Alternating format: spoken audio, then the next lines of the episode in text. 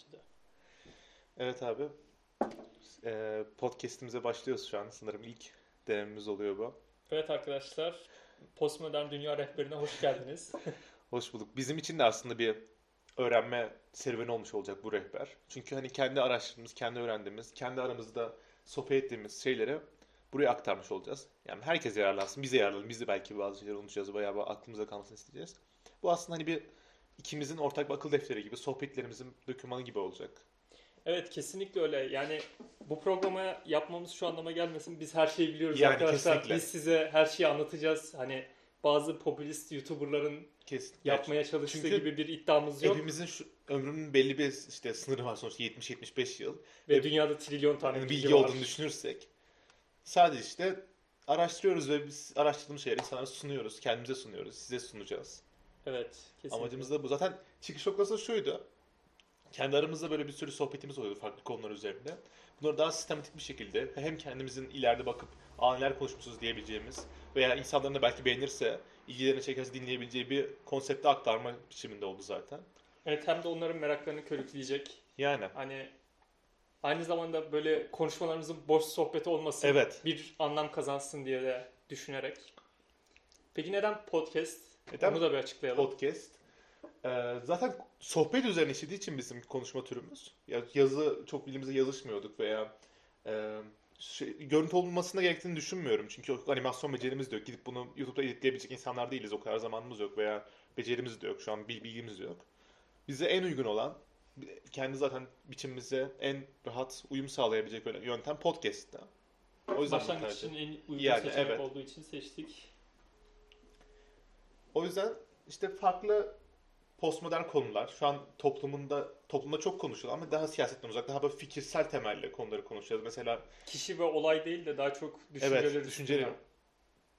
Şu anki işte postmodern dünyada garip bulduğumuz, saçma bulduğumuz şeyleri eleştireceğiz veya daha iyi şeyler önereceğiz veya bizim bunlardan nasıl kurtulabiliriz? Bazı işte fallacy'ler var, bazı sıkıntılar olabiliyor. Diyelim ki işte mesela şu an modern e, kandırmaca yöntemlerden bir tanesi işte kişisel gelişim kitapları, TEDx konuşmaların bir kısmı. Ya bunlara nasıl kandırılmayız, nasıl insanlar tarafından belli bir amaç doğrultusunda saçma sapan yönlendirilmeyiz. Hem kendimiz bunu keşfederken hem de size de belki birkaç Kürtlere karşı bağımlılık kazanmamız için Scientology'ye girmeyin arkadaşlar. çok zararlı. O yüzden böyle bir işte podcast'e karar verdik ikimiz. Bugün konumuzda Hikmet'in belirlediği bir konu üzerine zaten konuşmaya karar verdik. Neydi abi senin konun? Konuyu söyleyelim bir dakika. Evet yani konumuzun temeli şu anki başlangıç olduğu için zaten podcast'imize başlangıç olduğu için biz neyiz ne değiliz onu açıklayalım biraz. Evet arkadaşlar biz böyle e, mucize sözlük açtığınızda her bilgiye ulaşacağınız, e, size her türlü en doğru kaynak Evet. olarak Beyninizi iki katına çıkartabilecek gizli bilgileri veren, hayat trikleri veren aynen i5'in üstüne i7 yükleyeceğiniz bir kaynak değiliz. Değiliz. Ne yazık ki olamadık. veya işte Olanlar da zaten yalnızca iddia boyutunda Yani. kalabiliyorlar. Çünkü böyle bir şey yok. ya da 5 ailenin içine girip onların gizli sırlarını öğrenip dünya nasıl yönetildiğini bilen dü- Lozan'ın gizli anlaşmalarının Aynen elinde bulunan insanlar değiliz. animasyonla animasyonla böyle işte yok arkadaşlar Illuminati'nin içine girdim, piramidi çözdüm falan ya da numerolojik yöntemlerle Kur'an'daki gizli sırları açıklıyorum gibi bir iddiamız da yok. Yani. O yüzden bizim merakımız üzerine kurulmuş aslında bir podcast olmuş olacak. Merak ettikçe araştıracağız ve biz de anlatacağız aynı şekilde. Evet bazı hani kesin olmayan şeyleri burada tartışmamızı görebilirsiniz ama bu hiçbir zaman bu doğrudur bu yanlıştır anlamına gelmiyor. Evet belki işte mesela şey üzerine konuşacağız. Ee, şu an koronanın yaşattığı durumda ülkelerin otoriterleşmesine bir e, ön ayak olmuş mu oluyor? İnsanları deniyorlar mı ne kadar işte otoriterliğe e, direnebiliyorlar diye. Mesela bunu konuşacağız ama bu mesela evet çok fazla elimizde delil olan bir konu değil. Bunu çıkarımlar üzerine, varsayımlar üzerine devam edeceğiz ama hiçbir şekilde bu bizim tamamıyla haklı olduğumuz veya bunları bildiğimiz anlamına gelmiyor. Sadece akıl yürütüyoruz. Belki sizin daha iyi akıl yürütmeleriniz vardır. Paylaşabilirsiniz aynı şekilde. Yani norm koyucu bir amacımız yok. Kural Evet. koymayı, işte en doğrusunu biz bulduk gibi bir iddiamız yok kesinlikle. Sadece araştırmayı ve aramayı tercih ediyoruz. O yüzden abi yani işte Grubu daha çok merakının peşinde giden iki genç olarak Evet. adlandırabiliriz yani. Sonrasında bazı konuklarımız da olacak. Belki okulumuzdan, belki başka iş gruplarından falan olabilir. Farklı konulardan o şekilde popülerliğine bağlı olarak veya popüler olmadan da bazı işte hani konukları alacağız. O konu üzerinde özel konuşacağız. Mesela sınav hakkında yakın zamanda konuşmayı düşünüyoruz. Sınava Ee, çıkan bir sürü arkadaşımız var. Güzel dedin Numan. Ee, genelde güncel konular üstünden ilerleyelim diyoruz. Evet. Ama tabii ki tarihte bize ve şu anki döneme, şu anki aslında güncel konularımızın Bağlı temeline olan bir sürü, inen- evet. e, tarihi meselelere de değinmeden olmaz arkadaşlar yani. Onlara da mutlaka değineceğiz zaten. Çünkü hepsi birbirine bağlı. Bir de e, biliyorsunuzdur ki günümüzdeki bilgi karmaşasından dolayı genelde günümüzdeki olayları yorumlamak çok çok çok zor olabiliyor. Çünkü şu an reklam var, propaganda var, belli siyasi ya da politik çıkar, gruplar var. çıkar gruplarının e, işin ucunda karları var. O yüzden sürekli birileri suyu bulandırıyor. Evet. Fark etmişsinizdir de zaten. Hani ben bu gündemi anlayamıyorum diyorsanız yalnız değilsiniz çünkü gerçekten herkes anlamakta zorlanıyor. Birileri sürekli karıştırıyor ortalığı ama 25 yıl belki de 50 yıl ya da binlerce yıl geriye gittiğinizde yani binlerce yıl git ne kadar geriye giderseniz o kadar su aslında durulaşıyor ve berraklaşıyor ve altını görmeye başlıyoruz. O yüzden de bazı analizlerimizde tarihe gitmemiz Kesinlikle. gayet mantıklı olacak. Bir de yani insan dediğimiz olgu yaklaşık 10 bin yıldır aynı düşünüyor, aynı karar veriyor. Sadece etrafındaki olaylar teknoloji değişiyor. Hepimiz o zaman da insanlık, şu anda insanlık ve yaklaşık aynı kriz durumlarını gördüğümüz zaman nasıl tepkili ver verebileceğimizi tarihe bakarak görebiliriz. Tarih aslında bir deney alanı gibi. Ama sosyolojik deney alanı. Şu an bazı koşullar oluşturamıyoruz. Mesela şu an kendi sistemimizde yani insanlık suç olur tabii ki. Böyle bir koşul oluşturma. Acaba insanlar Birazcık da etik denen bir şey Evet. arkadaşlar. açlıkla nasıl ya yapanlar var tabii ama yani açlıkla bir sosyal grup nasıl davranıyor diye insanlar aç bırakırsak pek etik bir şey Evet, olmaz. özellikle 30-40'lı dönemlerin modernizm zirvesinde böyle deneyler yapılmış Yani ama çok, çok hoş bilinçli şeyler olmasa da veya işte bunun tıp ölçeğine de insanlara işte ne kadar acı dayanabiliyor diye deneyler yapılmış biliyorsundur Nazi kamplarında falan. Ama tabii şu an İnsanlık dışı şeyler bunlar. evet yani insanlık dışı ama bu deneylere bakıp da bir şey öğrenemeyeceğimiz anlamı gelmiyor. Çünkü en az yapılmış artık. İnsanlar ölmüş, acı çekmiş ve geride kalmış. Yani olanlar bunlar. oldu yani Evet. kısaca. Yani şöyle işte dediğin gibi tarihte geçmişe gittikçe daha az ideolojik hale geldiği için insanlar daha az bulandırmaya başlıyor. Ama mesela son zamanlarda bu biliyorsundur Hikmet zaten sen de e, bahsetmiştin. Geçmişteki son 50-100 yıldaki tarihi figürlerinle bir hesaplaşma var. Tarihi figürlerle bir hesaplaşma durumu var şu an. Evet son dönemde. Çok komik Evet. geliyor. Yani gerçekten çünkü tarih dediğimiz olgu da e, insanlar kendi dönemlerine göre düşünüyor. Şu an mesela bizim hakim işte zaten o yüzden postmodernizm. Postmodern bir düşünce yapısı var dünyada. Ve hakim ins- düşünce bu olduğu için insanlar da ona göre karar veriyor. Mesela bir şeyi yargılarken sen hümanizme göre yargılıyorsun doğru değil mi? Evet. Yani günümüzün koşullarına Evet. göre düşünüyorum. İyi veya kötü olup olmadığına karar vermek için. Mesela ırkçılığın kötü olduğunu s- söyleyen şu an mesela dünyadaki hakim görüş. Ya aslında böyle bir gökten kural kitabı Evet. gelip de bize bunları söylemiyor. Ya da doğa kuralı değil bunlar. Fizik Kesinlikle. kuralı değil. Yıllar içerisinde değişiyorlar insanların tavırlarına, ortama göre. Yani biz hem bilimsel bazı şeylerle destekliyorlar. Er- Erkekle kadın arasındaki e, zeka farkının olmadığını bilimsel şeylerle destekliyorlar veya ırkla ilgili majör bir fark olmadığını bu sayede bilimin temelinin üzerine yeni bir kural koyuyoruz. Ama mesela 1900'e baktığımız zaman veya 1800'lerde norm o şekilde yani baktığın zaman. Bilim adamları insanların kafatasını ölçüp hangisi hangi ırka mensup veya şeyi okumuştum ben.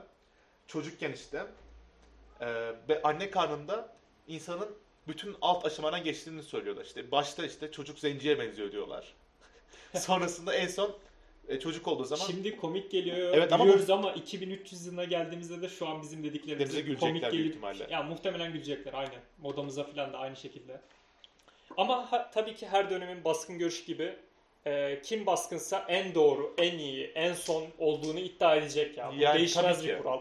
Diyecek ki ben en doğruyum ve son ideoloji benim. Aynen son ideoloji benim. Bundan sonra gelmeyecek artık diyecek. Ama tabii ki aslında tarihe baktığımızda böyle değil. Her ideoloji hani 100 yıl, 50 yıl ömrü değişiyor. Artık çağ çok hızlı ilerlediği için genelde ömrü kısalacaktır evet muhtemelen. tabii. Eninde sonunda e, tarihin tozu raflarına kaldırılıp yoluna devam ediyor insanlık yani. İnsanlık durmuyor. Yani mesela şu an gelecekte belki 50 yıl sonra bilgisayarlarımıza kötü davrandığımız diye bize canavar diyecekler. Çünkü yapay zekanın gelmesiyle beraber belki adamlara vatandaşlık falan verilecek veya belli bir bilinçleri olduğu sayılacak. Ya Birleşmiş Milletler Güvenlik Kurulu'nda bir tane yapay zeka böyle bizi suçlarken görürsek Evet. şaşırmayalım yani. Özellikle kardeşim bayağı suçlayacaklardır büyük ihtimalle bilgisayarın yaptığı canavarlar yüzünden.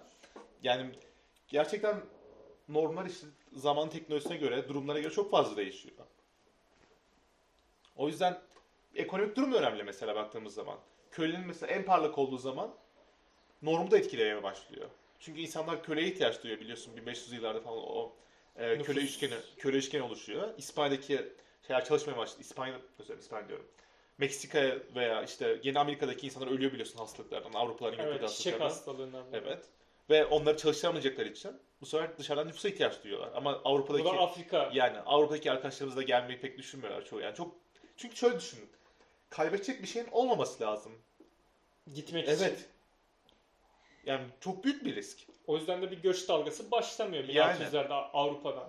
Göç dalgası 1800'lerde 1800'lerde oluyor çünkü artık Amerika'nın bir oturmuşluğu oluyor. Bir de dağ taşı altın söylemi çıkıyor zaten Amerika. Şu Aynen. altına hücum olayı değil mi? Evet.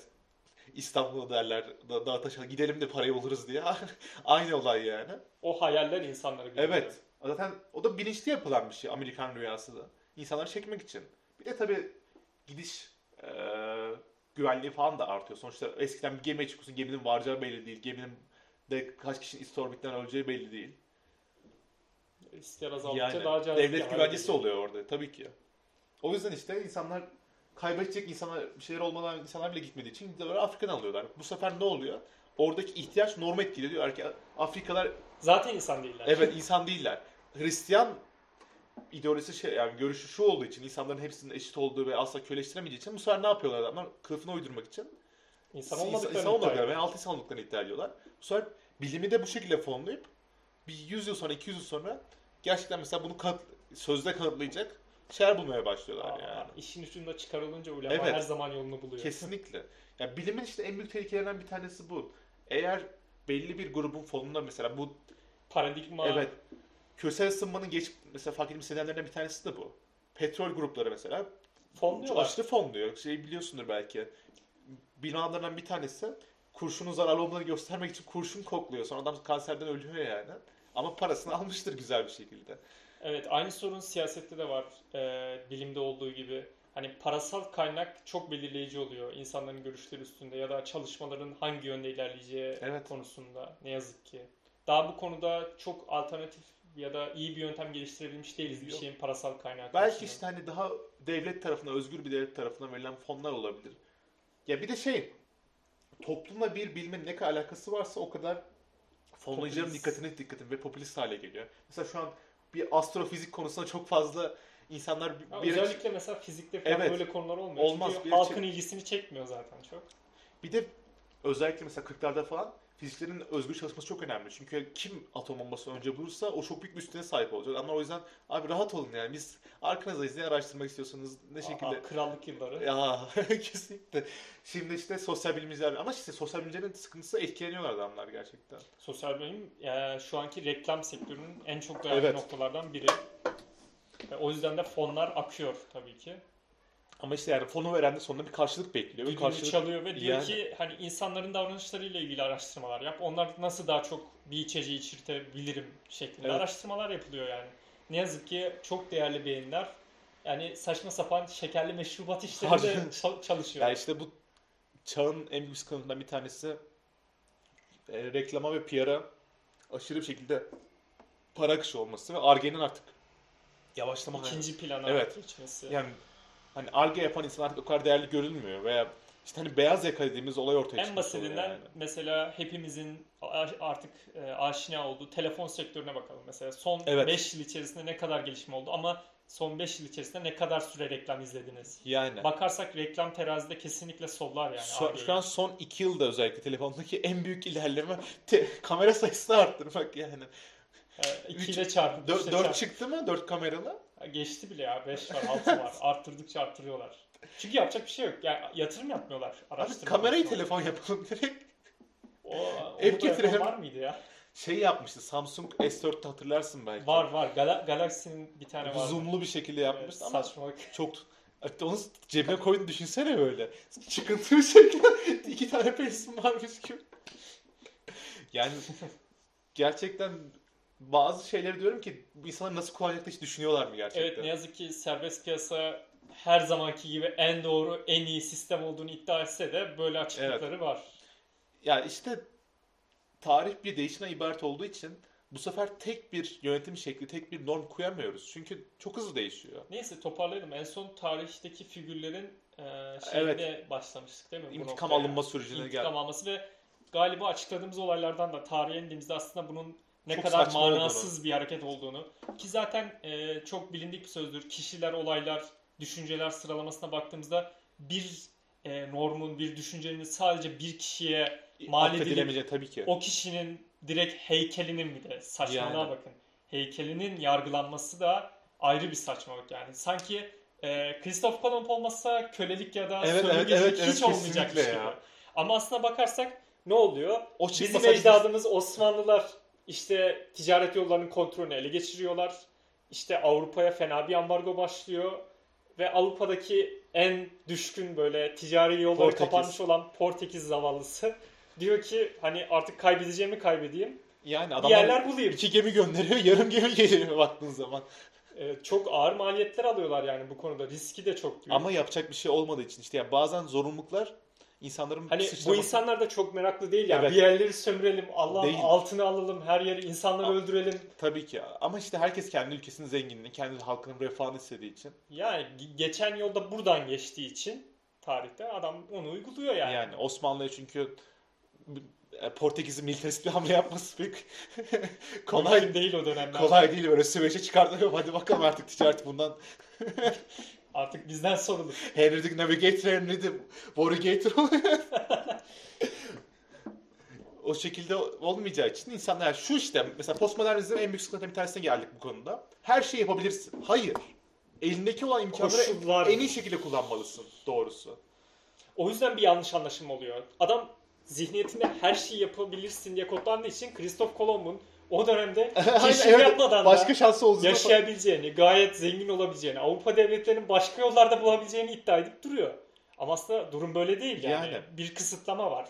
Bir gerçeklik var. Hani real politik adam senin doğunu tutmuş ve tek ticaret yılında orası. Ve açılabileceğin hiçbir yer yok Portekiz. Portekiz biliyorsunuzdur yani konum Coğrafyası olarak. çok kötü. İspanya gibi dev bir devlet tarafından sarılmış bütün İberya. Böyle küçük Tek bir komşusu çizgi, var. evet küçük, küçük bir çizgi çizmiş bir devlet yani. Tarihte de tek müttefiki o dönemlerde İngiltere. İngiltere O da za- zaten deniz gücü yani. Karada Ve- onun bir gücü yok. tabii ki ve o da zaten Fransa'ya zaten sıkıntılı bir durumda. Meşgul. Ya bakarsak aslında zorunluluktan doğdu. Burada çok açık ve Yani bu insanları bundan dolayı suçlamak da deli saçması. kesinlikle. Evet tarihte hatalar yapılıyor. Tarihte başka türlü yapılacak şeyler olabiliyor ama fikirlerden dolayı insanları suçlamak gerçekten çok saçma bir olay dediğin gibi Hikmet yani. İşte bu biraz insanın her şeyin elinde olduğunu düşünmekle alakalı. Aynı sıkıntı yani. İnsanın her şeyi yapabileceği.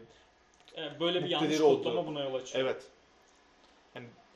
Ya bununla nasıl mücadele edilir? Tabii ki bilerek. Yani evet. Kesinlikle. eğer bu insanlar bunu yapanlar tarihteki olayları bilselerdi, Böyle nasıl geliştiğini, olmayacaklar. aslında bu insanların kişisel ihtiraslarından, çıkarlarından dolayı değil de daha çok o dönemin koşullarından buna mecbur kaldıklarını bilselerdi hani böyle davranmazlardı. Kesinlikle. Ama işte cehalet ne yazık ki yine ortaya çıkıyor. Ve yani bir yere insan işte cehalet kullanıyor. Burada da büyük ihtimalle fonlayıcı insanlar var yani.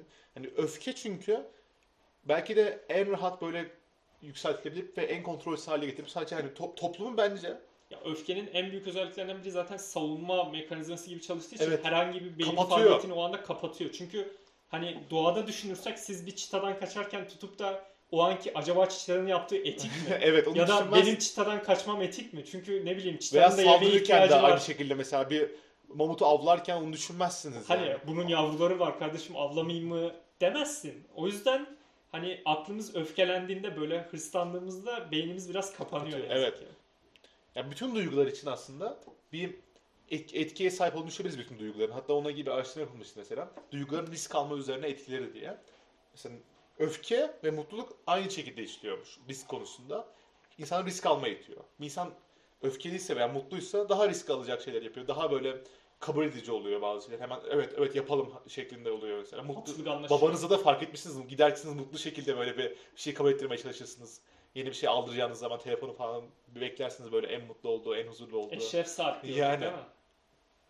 Aynı şekilde mesela üzüntüyle korku şey yapıyormuş. e, risk almayı engelleyecek şekilde işliyormuş. Daha az risk alacak. İçimize daha- sinmemize Evet. yol açıyor. Hatta mesela bunları oyunda kullanımını izlemiştim ben. Arcade oyunları biliyorsunuzdur. Mortal Kombat tarzı falan dövüş oyunları. Teabagging diye bir olay var. İnsanları sinirlendirmek için işte böyle aşağı yukarı aşağı yukarı eğilip kalkıyorsun. İnsanları bilerek risk almaya itecek şekilde öyle yapıyorlar. Zamanını kaybetmesine de olsa bile. Ve risk alacağını bildikçe sonra risk, tam tersi karşı taraf daha az risk alacak hareketler yapıp karşıyı tahmin edebilir, predictable hale getirmiş ol- oluyor. Bu da aynısı işte dediğimiz şu olayda gerçekleşmiş oluyor. Kitleleri nefrete götürdüğün zaman nefretin ne yapacağını biliyorsun zaten az çok. Ya çok rahat saldırganlaşacak. Evet. Ya toplum orada kitleyi tek bir duygu haline getiriyorsun. Nefret. Ve ne yazık ki kitle psikolojisinde de şöyle bir durum var. Ee, oradaki kişi, kişilerin IQ seviyesi belki 160'tan 80'e doğru Evet. skala almış olabilir ama bunun bir önemi yok. Genelde en düşük IQ seviyesine endeksleniyor o kitlenin hareketi ve bir artık su gibi oluyorlar yani. Yani akıyorlar? Akıyorlar, düşünmüyorlar pek Akıyoruz kardeşim. nereye gittiğini noktanın. Ya işte zeka ile ilgili sıkıntı toplanabilir olmaması zekanın ya. Üzücü bir olay gerçekten. Evet gerçekten. Yani mesela bir insan gücünü toplayabiliyorsun, ordu kuruyorsun böyle 10 kişinin 3 Ha, kişiden güçlü güç oluyor. çok evet. rahatlıkla toplanabiliyor. Yani Ama işlem gücü öyle olmuyor. o şekilde En olmuyor. fazla paralel işlem. Evet, e, bölebiliyorsun işte. O şekilde işliyor ancak. insanlara işleri bölebiliyorsun. Ama o da hızı Ama- arttırıyor sadece Aynen. zaten. Mesela yaratıcılıkta bir eşiği geçmek için işe yaramayabilir. Kesinlikle hiçbir şey. Hatta azaltabilir bile yani. Aynen. Çünkü bütünü görememek de ayrı bir sıkıntı. Yani. İşte bu da biraz profesyonelleşmeyle ilgili bir olay yani. Artık bakıyorsun insanların mesleklerine adam diyor ki işte transistörün sadece işte bu bölgesine özelleşti. o, o, o yüzden benim korktuğum bir olay yani. 40 yıl boyunca Sadece şeyin bir sürüngenin sadece aya, ayağına özelleşmek veya mesela diyelim ki kertenkele ayağıyla ilgili. Bütün tezlerim onun üzerinde. Hani bu aşağıda olay artık değil sen ama kertenkele ayağı alıyorsun. Bu kadar hayatını adayınca. bizim e sonuçta yani baktığımızda işine ayırdığın saate bakarsan kendi hayatına ayırdığın Evet, geçiyor. zamana baktığında artık senin benliğini geçmeye başlayabilir o kertenkele ayağı.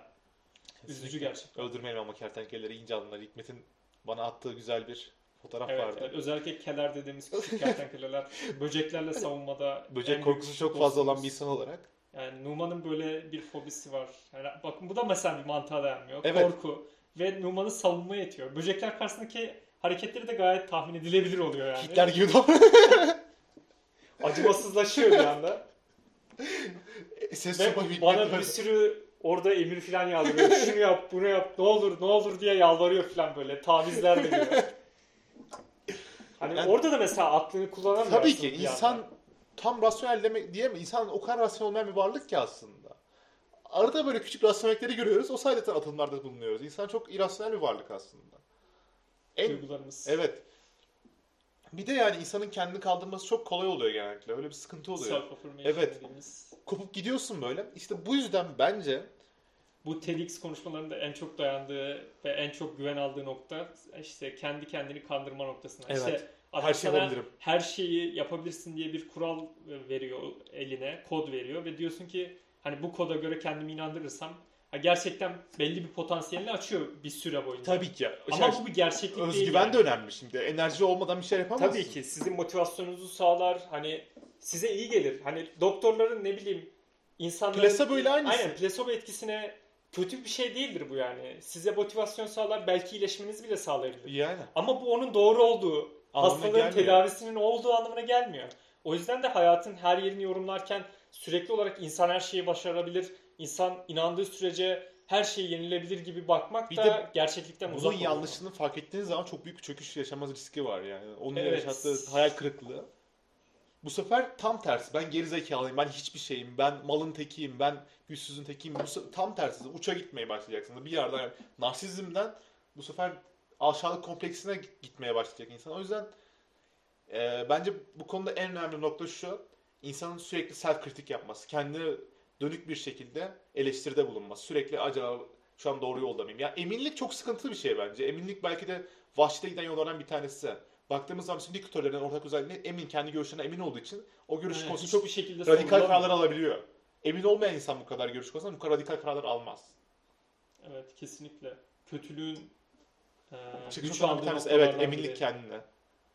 Kendini eleştirmemek. Yani mesela Hitler kesin bir şekilde Yahudilerin böyle silinmesi gerektiğine inanmasa, bunlara alt ırk olduğunu inanmasa bu kadar radikal öldürme kısmına gitmezdi. Belki hapsederdi sadece. Bir emin olalım adamları deneyelim falan Aynen. Ama gider.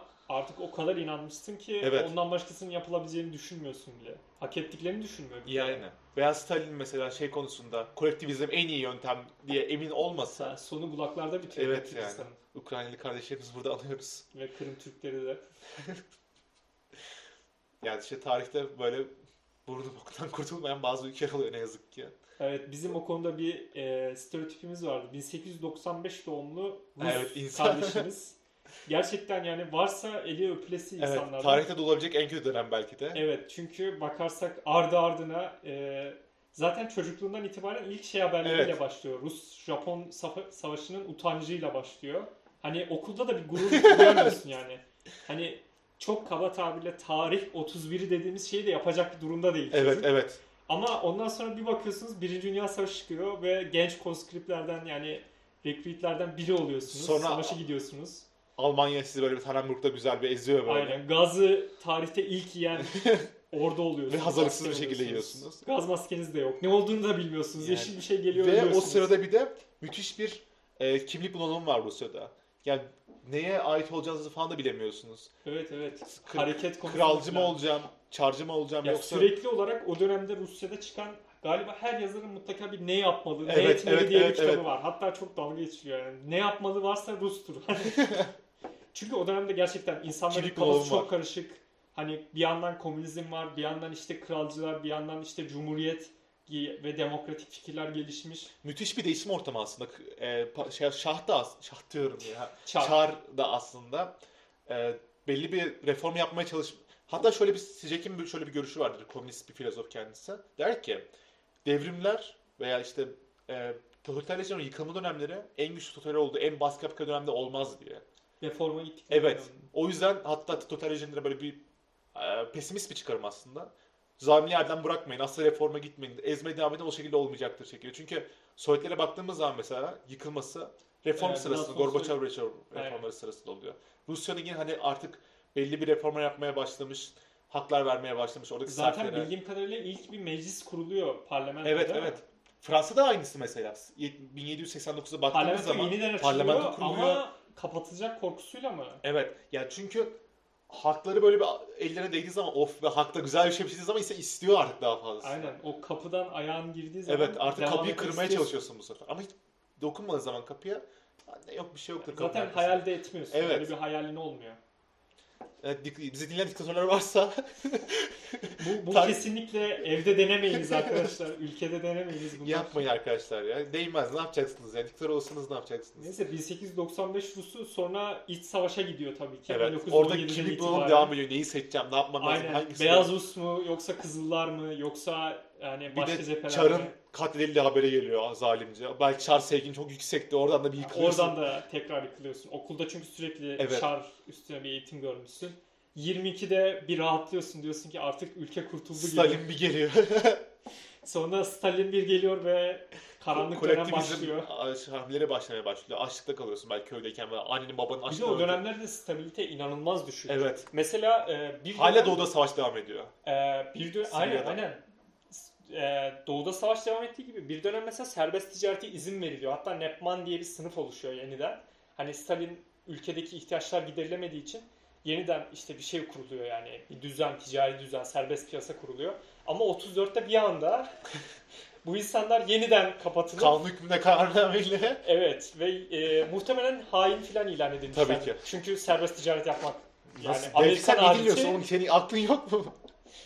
ve suçlanıyorlar. E, aynı şey daha üzücüsü Kamaz mühendislik. E, evet o. o o en acıklı hikayelerden biri galiba. Hani arkadaşlar normal bir ülkede mesela mühendisseniz, bilim adamıysanız canınız pek yanmaz Evet. yani. Deste stabilize olmasından. Siyasete çok fazla girmeyeceğiz. Evet yani ama Sovyetlerde böyle bir durum yok çünkü siyaset ve politbüro her şeye karıştığı için Evet. her yerden ağzınız yanıyor. Ya şey Stalin ben bunu öğrenmiştim. Hala Lamarck'ın evrim teorisine inanıyormuş. Bu yüzden insanların işte güçlü şeyler hani kaslı olursa çocukların daha kaslı olacağını, güçlenirse zekilirse daha zeki olacağını düşünüp işte bunları biraz zor şartlara koyalım çocuklar daha güçlü olacak şekilde O böyle yüzden aç bırakıp insanların Evet. yemek yemeyecek bir ürün oluşturmaya çalışıyor. güzel taktikmiş. Bakınız yine cehalet karşımıza çıktı. Nereye Yani. gitsek karşımıza bilgisizlik Evet yani çıkıyor. bunu zaten Hikmet'le konuşmuştuk. Kötülüğün bence üç kaynağı var dediğimiz gibi. Cehalet, Bilgisizlik oluyor. evet. Daha doğrusu bilgiyi öğrenmeye direnmek. Kesinlikle. Eminlik aslında. Em- aynen öyle. Zaten ce- cehaletin en büyük özelliği hani Dunning-Kruger sendromunu belki duymuşsundur. Yok bilmiyorum niye. Şöyle bilgiyle özgüven arasında, kendi eminlik arasında bir e, Oran eğri, mı? eğri var. Hmm. Şu şekilde işliyor. En cahil olduğun zaman en yüksek seviye alıyor.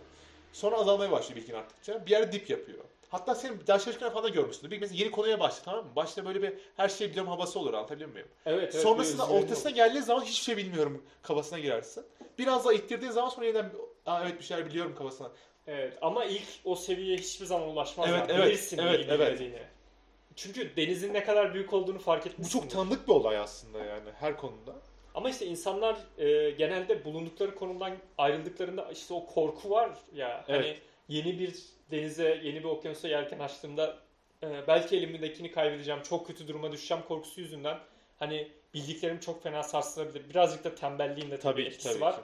O yüzden hiç o bilgi denizine adam ayağını uzatmıyor Ya bu ve işte gayet mutlu bir şekilde yaşıyor Bizim kendince. hani e, insan olmayan aslında sürüngen beyimizden kaynaklı bir olay. Sürekli bir güvenli bölgede kalma isteği. Sürekli böyle bir safe O kayanın altından evet, evet, çıkmayayım. evet, evet, aynı şekilde. DNA'm riske girmesi. Çünkü biliyorsun evrimsel olarak yaklaşık 400 milyon yıl boyunca sürüngenlerin altında bulunmuş bir türdük yani. Sonrasında memeliler ortaya çıkıyor ve ortak tabii ki beynimizde bir davranış paterni var. O yüzden o içgüdü dediğimiz Evet. nokta. ama işte insan yapan da bunu düşünerek kırmak, bunun farkına varmak yani. Evet, olayımız o korkuları yenerek zaten ne zaman işte Evet. hikaye üstünde durduk Zaten ki kahraman hikayeleri de bundan oluşuyor yani. O safe space'ten çıkabilen, o korkusunu yenebilen insanlar. Çünkü cesaret kahraman ilan yani zaten. cesaret korkmamak demek değil baktığın zaman. Korkunu yenebilmekle ilgili bir şey. Hiç korkmayan insan cesur olamaz bence. Ya daha çok bence aptaldır hiç korkmayan biri. Evet. Çünkü karşısındaki tehlikelerden bir haber Tabii ki her duy her duygunun aslında bir görevi var yoksa gelişmezdi bu duygular yani. Ama yanlış durumda yanlış duyguya sahip olmak sıkıntı. Mesela anksiyete de önemli. Anksiyete senin aynı zamanda işte hani tetikte olmanı sağlıyor ama sürekli anksiyete sahip olmak da senin Sen hasta oluyorsun. Evet. Aynen. Yani o yüzden bir duyguyu tamamen kurtulmak Evet kötü iyi duygu şeklinde insani bir şey değil bir kere ve başarılabilir bir şey de değil yani. Başaramazsan zaten muhtemelen kendi psikopat bozuyordur ya. falan. Evet. yani Nasıl sos- bakınız ya psikopatlar evet gerçekten bazı duygularını kapatabiliyor. Mesela Yani. adam ya acı Acıma. duymamayı becerebiliyor. Ama genelde Empati. sonu çok iyi bitmiyor ya. yani. Tavsiye etmeyiz. Bir de artık ya teknoloji de geliştiler. Ted Bundy gibi oraya buraya kaçıp yakalanma ihtimaliniz zor yani. Yapmayın böyle şeye Evet, girmeyin artık. 84'teki DNA'nın Psikopatsanız CEO olun bakın rahat olabiliyorsunuz. Evet. Üçte bir CEO'ymuş psikopatların. İşte şeyden bahsettik. Ee, kötülüğün üç ana nedeninden Ama, bir ama üçümüz yalnızca birini verdik. Evet. Eminlik, Şu an cehalet, eminlikten bahsettik. İkincisi bence empatisizlik. empati eksikliği, noksanlığı. Üçüncüsü narsizm ve bencillik yani. Aynısına zaten denk gelmiş oluyor. Evet. Yani çünkü kötülüğe baktığımız zaman dünyanın üzerindeki neredeyse bütün kötülük bu üç temel üzerine kurulmuş oluyor. Ya Bu bunu kötülük testi diye adlandıran. Bir kişinin ne kadar kötü olduğuna Evet, üç- karar üçü varsa Üç- ultimate. Üçü varsa aynen ultimate böyle artık evil oluyor yani adam şeytan. yani. Ama mesela cehalet yoksa sadece e, empati ve bencillik varsa bu sefer çok tehlikeli bir adam oluşmuş oluyor. Çünkü adam zeki, cahil değil, bilgi seviyesi yüksek. Ve zayıflıklarının da farkında. Yakalanmamayı da Yani. başarabiliyor. Hani bu, belki işte 5 aile varsa evet bunlardan birisidir büyük ihtimal. İkisine sahip olan biri.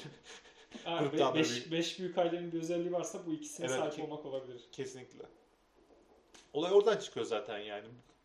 En basit kötülükten mesela hırsızlıktan veya cinayetten bile ortada ha, empati yapmamak var orada mesela. Psikopatların da aslında ortak özellik. En çok psikopatlarda bunu görüyoruz. Üçüne sahip olması mesela psikopatlarının. Artık adam ya şeytanca düşünüyor. Evet yani. Çünkü ben e, psikopatlarla ilgili işte ilk senle falan da biraz izlemiştik. Ben biraz devam ettim. Kendi görüşlerimle nasıl bunu insanları öldürebiliyorsun? Yani ne- niye kandırıyorsun insanları? Niye manipüle ediyorsun? Hani ayıp değil mi falan diye böyle bir soru soruluyor. Onların cevabı şu şekilde oluyor.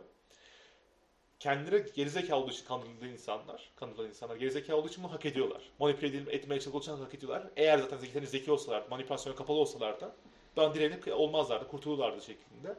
Yani biraz tehlikeli bir yöntem. İşte mesela hani bazen derler ya işte dolandırıcı hakkında. Adam da hak etmiş bu kadar salak olmaz diye. Arkadaşlar ne yazık ki insanlar nasıl zekalı olacaklarını seçemiyorlar. Ya kendileri yüzden- öyle haklı görebiliyor. Evet. Ya bu kötülüğe giden bir yöntem aslında. Öyle yapmasaymış. İşte hani Nasrettin Hoca'nın fıkrası vardır ya. Yani şey, Hırsızın hiç mi suçu yok? hırsızın hiçbir suçu yok. Gerçekten de haklı bir yakarış oradaki. Yani Nasrettin Hoca gerçekten toplumun değer sıkıntılarına Yani dönemin içerisindeki o ögelerle gayet iyi açıklayabilmiş bence. artık var mı yok mu bilmiyoruz Nasrettin Hoca'ya ama Var deniyor ya o dönem yaşamış. olabilir. Şeyde bizim Santa Claus, Noel Baba da An- An- Antalya'da yaşamış biliyorsundur onu zaten. Ha, ha, evet. Türkiye böyle zengin bir coğrafyadır arkadaşlar. Dört bir. Romalılar ya Truva'dan çıktı. Haddinizi bileceksiniz ülkem Göç benim. ettiler onlar ama. Evet ama olsun. Truva'dan Hala çıktı. toprak bizde. Öyle iddia ediyorlar biz. evet bugünkü podcastimizi bitirmiş olalım artık Aynen isterseniz. sonlandıralım. Gayet eğlenceliydi bizim Evet. için. İşte ben de çok eğlendim gerçekten böyle bir kayda alınması. Yani insanda zaten sonsuzluğa gitme O, o kalıcılık hissiyatı Evet. yok mu o kalıcılık? hoş oluyor yani. Gelecekte Özellikle bu hümanizmle birlikte 1600'lerde falan iyice Evet, bu sefer artmaya başlıyor. eserinle beraber var o. Aynen o sonsuzluğa yelken açma isteği. Çünkü hani bir ateizm dalgası oluyor ya bu sefer hani Zaten varlığınla var olamayacaksan o zaman eserinle var ol sonsuza kadar şeklinde. aslında bakarsanız mesela bu inanç da gayet mantıksız ya. Evet Öldükten evet hiç faydası alakası yok. Hissetmeyeceksin böyle. Oh Hani be, siz alkışlanmışsınız. Ne kadar Yani- iyi eseriniz denmiş. kitabın Biblia satmış diye mezarında. Bakarsak aslında kendine yaptığı fayda bakımından mesela e, bazı ressamlar falan gayet başarısız gözüküyor. Evet, evet, evet. Yani aç kalıyor adam yani. Van Gogh Ölüyor. kulağını kesiyordu. Hatta Van Gogh zaten aklıma adı gelmedi de söyleyemedim. Hani gerçekten adam başarısız aslında Yani. baktığımızda. Ama biz şu an adama hayranlık duyuyoruz ve hani onun da şey olduğuna inanıyoruz böyle. Gerçekten Adammış evet falan. evet Ama aslında adam var olmaya çalışıyor. Bitti yani adam için. yani büyük ihtimal söylüyordur arkadaşlar neredeydiniz ben? İşte açken, Açken bir şampanya içemedim.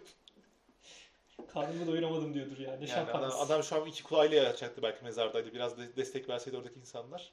Onların heykellerini yıkalım. Kim destek vermiş Van Gogh'a? Aynen aynen. Bakın bu mantıkla onu da yakalım. Van Gogh'a niye destek vermesin? Aslında haberleri bile yok o insanlar. Şey olayı aklıma geldi ya. Oliver Cromwell'ın mezarından çıkarttı. Adam çünkü artık yani bit, adam ölmüş gitmiş. Ne güzel yaptığını işte o da yapmış. o inanç. Aynen. Adamı hümliyet ettiğini sanıyor. Ama bitti çok. Şu an kafası da bu arada müzede arkadaşlar bakabilirsiniz. Oliver Cromwell araştırmak istiyorsanız falan. Ahmet vardı bizim arkadaşımız. Adını bilmiyordu. Oliver Cromwell sadece havalı olduğunu düşünmüş. Şey olduğunu düşünüyormuş. Kral olduğunu düşünüyormuş. Güzel. Dedim ki Ahmet Adam kralı, kralı kralı düşünüyor. indiriyor. Çok royalty geldi demişti. Araştırabilirsiniz arkadaşlar. Kafası falan hala şu an müzede. Öyle var yani. E, vücut parçaları müzelerde olan Rasputin. Rasputin'in penisi. Bakabilirsiniz mideniz kaldırıyorsa. Benim, bizi dinlediğiniz için teşekkür ederiz. Evet, teşekkürler tekrardan. Görüşmek üzere. Kaç dakika sürdü? Bakalım.